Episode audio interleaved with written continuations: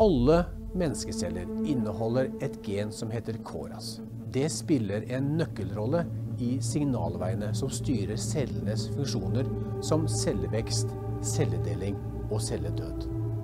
Dersom en mutasjon oppstår i et KORAS-gen, kan det medføre at celler deler seg utenfor kontroll, noe som kan forårsake kreft. KORAS er det hyppigst muterte onkogenet, et gen som potensielt kan forårsake kreft. Forskere har i fire tiår visst at KORAS-mutasjoner er blant de vanligste kreftdriverne, men forskere har ikke klart å finne en molekylær nøkkel som kan stoppe celleveksten som kommer ut av kontroll. Nå ser det ut til at legemiddelfirmaet Amgen har funnet et svar. En studie som er publisert i The New England Journal of Medicine, viser at deres målrettede legemiddel Sotarisib har lovende effekt på KORAS mutert lungekreft. Sotarisib er den første KORAS-hemmeren som har vist effekt i kliniske studier. Sotarisib blokkerer en mutasjon i svulstvevet som heter KORAS G12C. Om lag 15% av pasientene med ikke-småcellet lungekreft har slik KORAS-mutasjon. Sotarisib dreper kreftcellene ved å utnytte en genetisk svakhet i kreften, slik beskriver en av Norges fremste lungekreftleger, Odd Terje Brustuggen, dette gjennombruddet. Ja, KORAS-mutasjon er en av disse såkalte drivermutasjonene som kreftceller kan ha, og som gjør at eh, det sendes eh, vekstsignal nedover i, innover i kreftcellen og inn til cellekjernen, og gir beskjed om at cellen skal dele seg og, vokse, og svulsten da vil vokse. Eh, og KORAS-hemmende behandling en, en, har den virkningen at den hemmer dette enzymet, som da gjør at det ikke blir sendt disse signalene innover i kreftcellen. og Dermed så blir det da heller ikke noe vekst av svulsten. Mm. Og, og, er jo, Denne KORAS-mutasjonen eh, det har jo vist seg å være en vanskelig nøtt å knekke for forskere og legemiddelindustri. Men nå ser det ut til at det har kommet da denne Sotarisib som, som har effekt. Kan du fortelle hva disse kliniske resultatene i, eh, i den fase 1-studien eh, og det som også nå kommer i fase 2, hva det eh, forteller oss? Ja, det er som du sier, Dette har jo vært forska på i lang tid. og En har jo kjent til dette systemet, denne signalvegen, i, ja, i hvert fall i 40 år. Man har prøvd å finne ut måter å prøve å hemme dette, da, for en har skjønt at det er viktig i kreftutvikling. Eh, og Nå er det da endelig kommet et eh, preparat som viser seg å kunne ha god effekt på, på dette. Og som du nevnte innledningsvis, så er det jo da mm. foreløpig små data og få pasienter som har fått, uh, fått denne behandlingen og som data er presentert på. Men, men det er absolutt lovende. Og, og, det er jo da en pasientgruppe som hittil ikke har hatt noe tilbud målretta mot dette, denne genbehandlingen. Mm. Uh, men det er jo da ja, det var noen og 50 lungekreftpasienter som var med i denne studien. Eh, og En tredjedel av dem hadde, hadde respons, altså at sykdommen åpenbart trekte seg tilbake, ble mindre.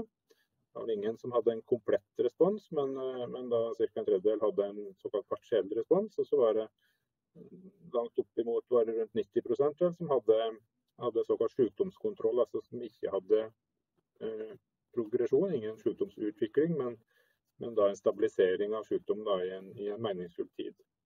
Og av de som da først hadde effekt av behandlingen, så, så er det fortsatt litt umodne data, som vet ikke sikkert hvor lenge de vil kunne ha nytte. Men, men foreløpig så ser det ut som at det er oppimot et år, en elleve måneder i hvert fall. Det er vel det som ble rapportert nå, med, med såkalt duration of response, da, eller varighet av denne responsen. Men mm. når en tok med alle, både de som responderte og de som ikke hadde nytte, så var det ca et halvt år i snitt som pasientene som fikk tilbud om dette, hadde, hadde en progresjonsfri overlevelse. Progresjonsfri mm. på ca. seks måneder. Hva er standardbehandlingen som denne pasientgruppen får i dag, og, og, og hvordan, eh, hvilken effekt har den type behandling?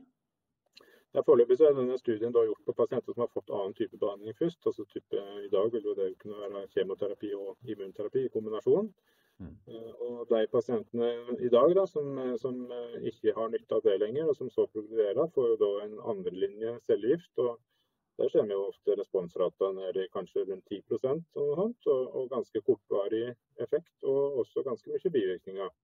For det med jo noe som en ser i disse i de studiene som er presentert nå, at, at bivirkningene er, er, milde. Det er klart det er noe plager også her, men, men det var vel ja, var en rundt 20% av pasientene som hadde såkalt grad 3 eller 4 bivirkninger, da, som begynner å bli litt eh, ordentlig merkbart.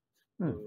En av fem som, som, har det, er egentlig ganske lite da, når det er snakk om kreftbehandling. Og det vi har å tilby i dag, gir langt mer bivirkninger enn det dette her ser ut til å kunne gi. Mm. Jeg ser at, at, hovedforfatteren av artikler i, i, The New England Journal of Medicine, eh, David S. Hong fra MD Anderson Cancer Institute, han sier at, at uh, hvis man kombinerer sotarisib med immunterapi, så sier han at det vil ha, kunne ha en synergisk effekt. Hva, hva, tror du er grunnen til, til, at en slik eh, kombinasjon kan virke enda sterkere enn en sotarisib som monoterapi, som han indikerer iallfall?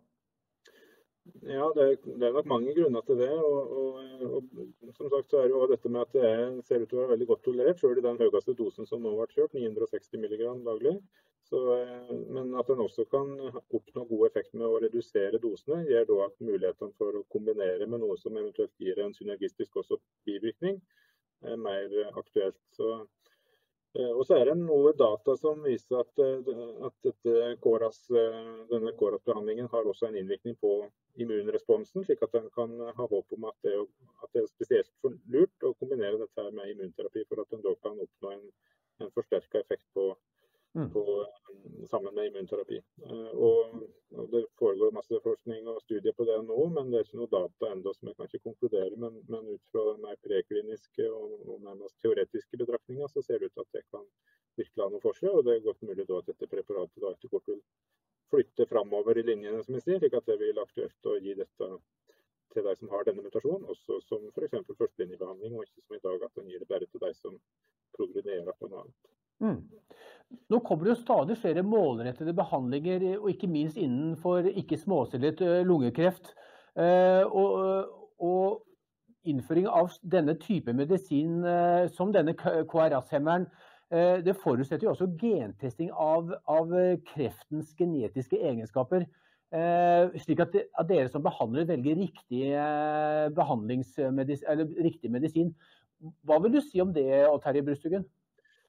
Ja, Det er noen av disse genforandringene som viser seg å være litt vanskelig å fange opp med disse moderne teknikkene. Men akkurat denne, etter en punktmutasjon i, i dette KRAS-genet, G12C som det kalles, så mm. det er egentlig en veldig enkel sak. Når en skal gjøre DNA-analyser, så er det noe som er på med på lasset i, i disse NGS, alle NGS-panel som en bruker.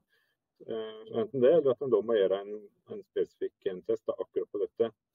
Um, og Det går jo også an for så vidt, men nå så ser vi jo det at flere og flere sykehus og, og både i, i, verden så er jo det nå det som blir anbefalt, og også i Norge så er det jo dette med, med mer eh, utbredt testing, altså bredere testing med, med DNA-basert og RNA helst også. Men, men, eh, men, dette her går fint an å teste på DNA da, med de mm. standard. På Drammen sykehus hvor du jobber, eh, har dere da tilgang til eh, NGS-maskiner eh, der? Nå er, det, nå er, det, to dager siden, eller tre kanskje. Vi fikk beskjed om at nå var det gjort en, en beslutning på at det skal kjøpes inn, også på Drammen eller i Vestre Viken. Så nå får vi det med. Når det blir klart til bruk, det er vel litt uklart, men det er i gang nå med å, å kjøre i gang anbudsprosesser på det. Da. Så vi håper at i gang med det ganske, innen ganske kort tid. Men ellers er det ganske mange sykehus etter kort nå som har dette. Tønsberg har det, i mm. Østfold og i Ahus osv. Og alle universitetssykehus. Um, så, um, så, dette er noe som kommer, og som nok de fleste, om ikke alle, patologiavdelinger i landet vil kunne få. For den teknikken er blitt mye enklere enn den var tidligere. Det er mye kit-basert og, og gjennom Eh, gjennomstuderte ting, så det er ikke veldig mye hokus pokus med dette nå lenger. Så det, alle patologiavdelinger med respekt for seg sjøl, som de fleste bør ha, de, de bør kjøpe en, eller få installert NGS-utstyr nå. Mm. For dette er jo et uttrykk for at nå kommer det flere målrettede terapier, eh, og som da krever denne NGS-testingen for at dere skal kunne eh, gjøre et, et, en god klinisk vurdering av, av behandlingen av pasientene? Ja da, det er det. Og vi ser jo det blir flere og flere som allerede er godkjente. og, og USA ligger litt foran oss, men der er det i dag nå sju forskjellige uh, gener som en da må teste for, som har da tilhørende medisin som en kan tilby. Og, og med til det veldig gode resultater. Altså, noen av disse har jo median uh, effekter på, på, mange år. Så det, det, er vesentlig å finne disse der for slik at pasienter kan få det. Og lunge er kanskje de som har flest nå, men dette kommer jo mer og mer også i andre diagnoser. Både på prostatadiabetekort og på, mm. på de fleste svulsttyper som er relevante. Innenfor ikke småcellet lungekreft, hvilke genmutasjoner finnes det nå målrettede behandlinger eh, på?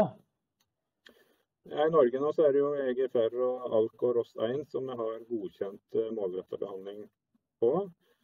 Eh, de tre. Men så er det BRAF er jo allerede godkjent i Europa og dermed i Norge, men vi har ikke Beslutningsforum eh, mm. på det. Så er det N-trekk som er i ferd med å komme inn. Og så har vi RETT som er på våre studier og som er på vei inn. Eh, da er oppe i seks, og så er det en sjuende. Ja, eh, Metexon 14 skipping-mutasjon, som det heter, er også en, en, en, genforandring som det nå finnes medikament direkte mot. Og så er det masse studier på gang her. To mutasjoner f.eks. er relevant ved lunge, og det er PIK3CA. det, ja, det, det, kommer nok mange flere, men allerede per i dag så er det sju vi egentlig vet om og, og, som kan være relevant å gi behandling mot helt til slutt, eh, Terje Brustyggen. KRAS er jo en genmutasjon som også finnes i andre kreftformer utover ikke småcellet lungekreft, bl.a. endetarms- eller tarmkreft. Eh, eh, vil du si at dette legemiddelet fra, som vi nå snakker om, er det, eh, er det et, et, såkalt tumoragnostisk legemiddel, altså som kan virke på flere typer kreftområder?